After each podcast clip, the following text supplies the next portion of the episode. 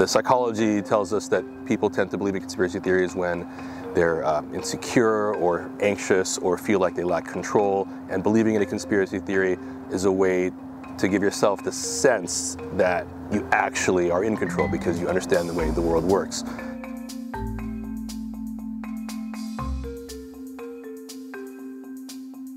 My name is Scott Radnitz. I'm an associate professor at the Jackson School of International Studies at the University of Washington. I work on comparative politics, especially in the post-Soviet region, and I specialize for now on conspiracy theories. A conspiracy theory is the belief that a fairly small number of people is behind a nefarious plot to harm the public in some way uh, for their own benefit. And these beliefs are, are not well supported by the evidence um, and sometimes have no evidence behind them at all. Conspiracy theories can come from a variety of places. Uh, it can come from your own imagination. When you see something strange or, or hard to explain, you might make the connection between some powerful person that you dislike, uh, maybe a government, maybe a, a wealthy person, and uh, if you think that they're capable, you might blame them for this thing that happened. But more often, conspiracy theories uh, come from uh, sources who are, who are more creative, um, sometimes political actors, politicians who have an interest in blaming somebody for uh, some problem in society. Uh, sometimes it's used as a distraction so that people focus on this uh, other perpetrator rather than the people who are actually in charge. Um, and then uh, people can believe also for a, a variety of reasons. Um, the psychology tells us that people tend to believe in conspiracy theories when they're uh, insecure or anxious or feel like they lack control. And believing in a conspiracy theory is a way to give yourself the sense that you actually are in control because you understand the way the world works. The reality is the world is complicated and uh, a lot of things are interconnected.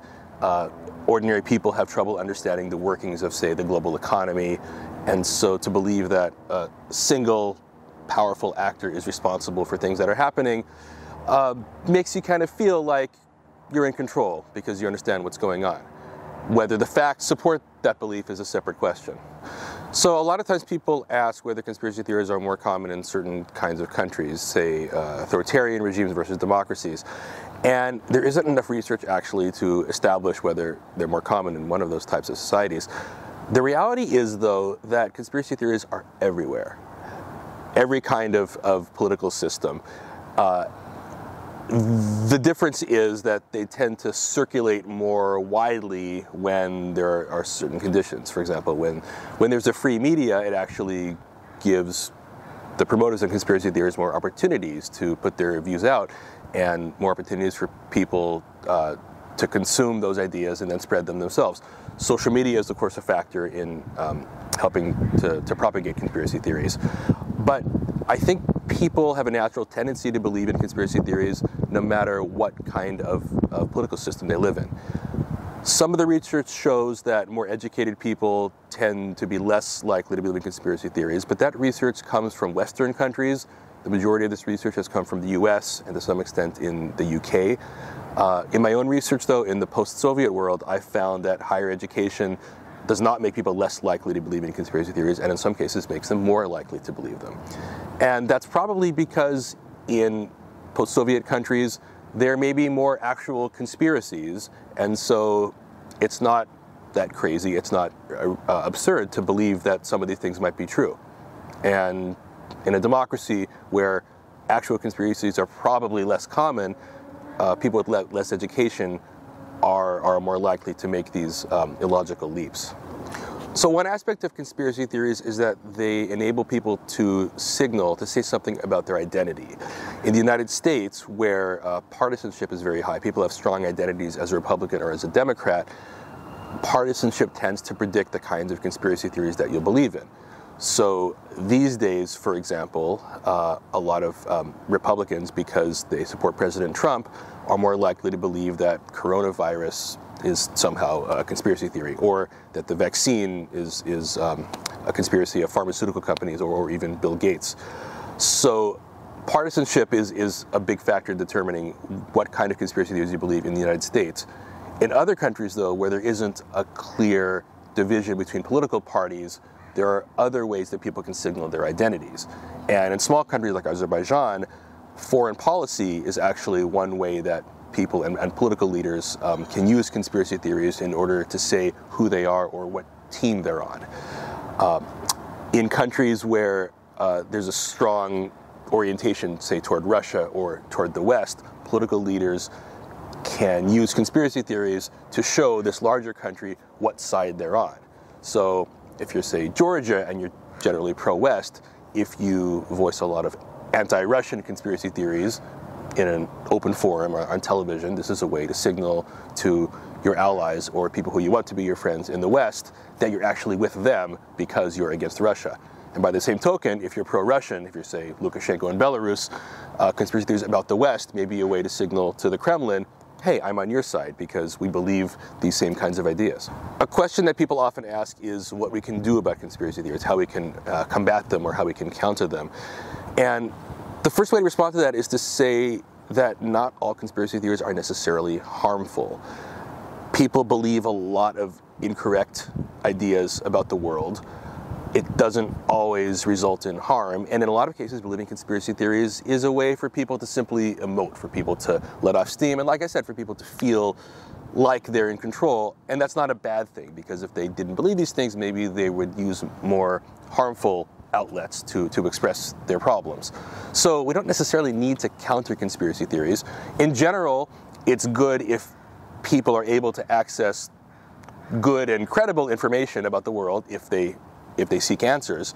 So you want to have a free and independent press so that the possibility of, of obtaining truth is out there.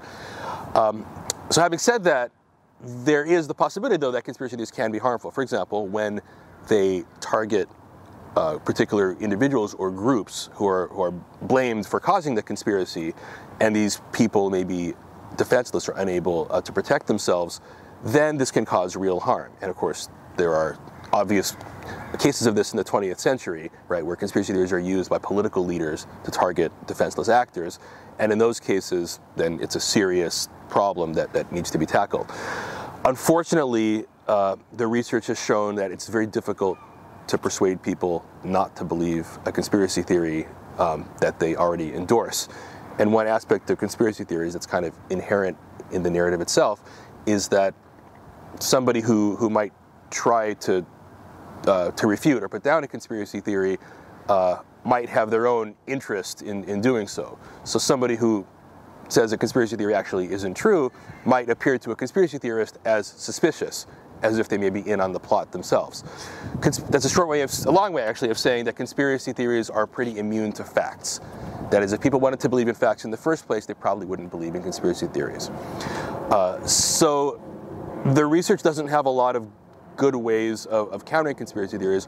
One technique that's shown to have some effect is to have people who conspiracy theorists trust and believe, people who are unlikely to counter the conspiracy theory, to go on the record to say that this thing that you believe isn't true. So let's say I'm a big Trump supporter, and Trump, as we know, is a, a, massive proliferator of conspiracy theories. If Trump says, actually, this thing that you believe about the vaccine is false, then his own supporters who trust him and love him may actually reconsider their own views because, after all, it's Trump saying this, somebody they trust, and not, say, Nancy Pelosi or Dr. Anthony Fauci. So, uh, certain political leaders are known to be fond of conspiracy theories, and uh, people like Trump, Putin, Erdogan come to mind. And the fact is, it's difficult to change the behavior of a powerful political leader, especially if they believe that promoting conspiracy theories helps them politically. Uh, the most we can hope is that the system around them, experts, uh, scientists, professors, journalists, that there is what we often call civil society around that can provide an alternative perspective so that a powerful leader doesn't have a monopoly on propagating information. And it's unfortunate in cases like, say, China or North Korea, where there really isn't any, uh, any free media that can counter this, that people don't have a lot of uh, alternative ways to get information. It's not necessarily the case that people believe what their authoritarian leaders, authoritarian leaders tell them. And of course, with social media and the internet, some people have ways to get alternative information, but it makes it much harder to counter a conspiracy theory where uh, the media environment is dominated by a single party or, or a single person. So sometimes people ask whether conspiracy theories are useful, whether something good can come of them. And I would say, uh, like for any kind of belief, whether, whether false or not, it can have an effect of, of being for or against democracy. So, as I said, when powerful people are using conspiracy theories to uh, support their own political interests, then obviously that's probably not good for democracy. But if conspiracy theories can be used as kind of a rallying cry, uh, a way for the opponents of authoritarianism to unite against their beliefs, even if they're false about powerful authoritarian actors, it could be a way to unify people again around the common identity of countering this conspiracy. And it's conceivable then that this could be used for the benefit of, of, of democracy to increase pluralism uh, to get people who are otherwise unenthusiastic about politics interested in, in becoming active. Uh, and so it's hard to think of a case offhand where a conspiracy theory in particular has had this kind of mobilizing effect but it's certainly conceivable that this could happen as I mentioned before, one aspect of conspiracy theories is that there's minimal evidence to support the claim. But that does not mean that a conspiracy theory is always false.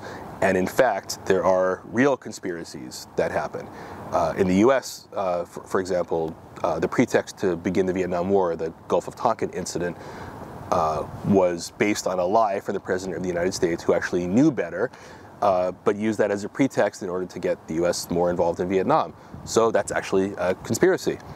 Uh, in, in, America, also, the invasion of Iraq was based on false pretenses. We don't know what the actual reason was, but the claim that uh, Saddam Hussein had weapons of mass destruction uh, turned out to be false, and that was also a conspiracy theory that was used for political purposes.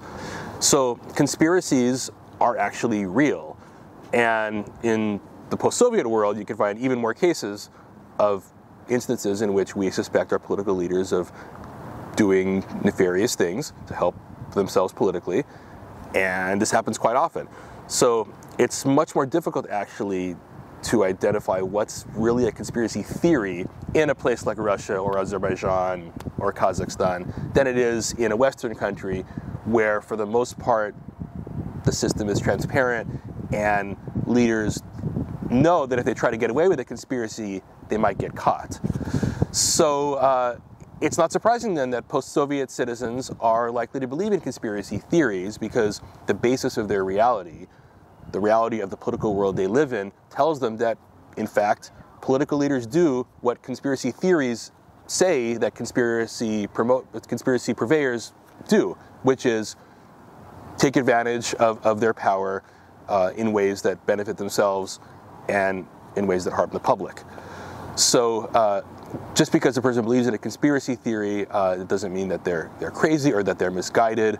It might even mean that they're uh, incisive, uh, investigative thinkers, and uh, we shouldn't necessarily dismiss those people as as as kooks, as as uh, unhinged. So I provided a kind of general overview about the state of our knowledge about conspiracy theories. Conspiracy theories are relevant in many societies, uh, whether democratic or not, and they're not going away anytime soon. So we're going to have to live with them, so we should try to understand them as well as we can.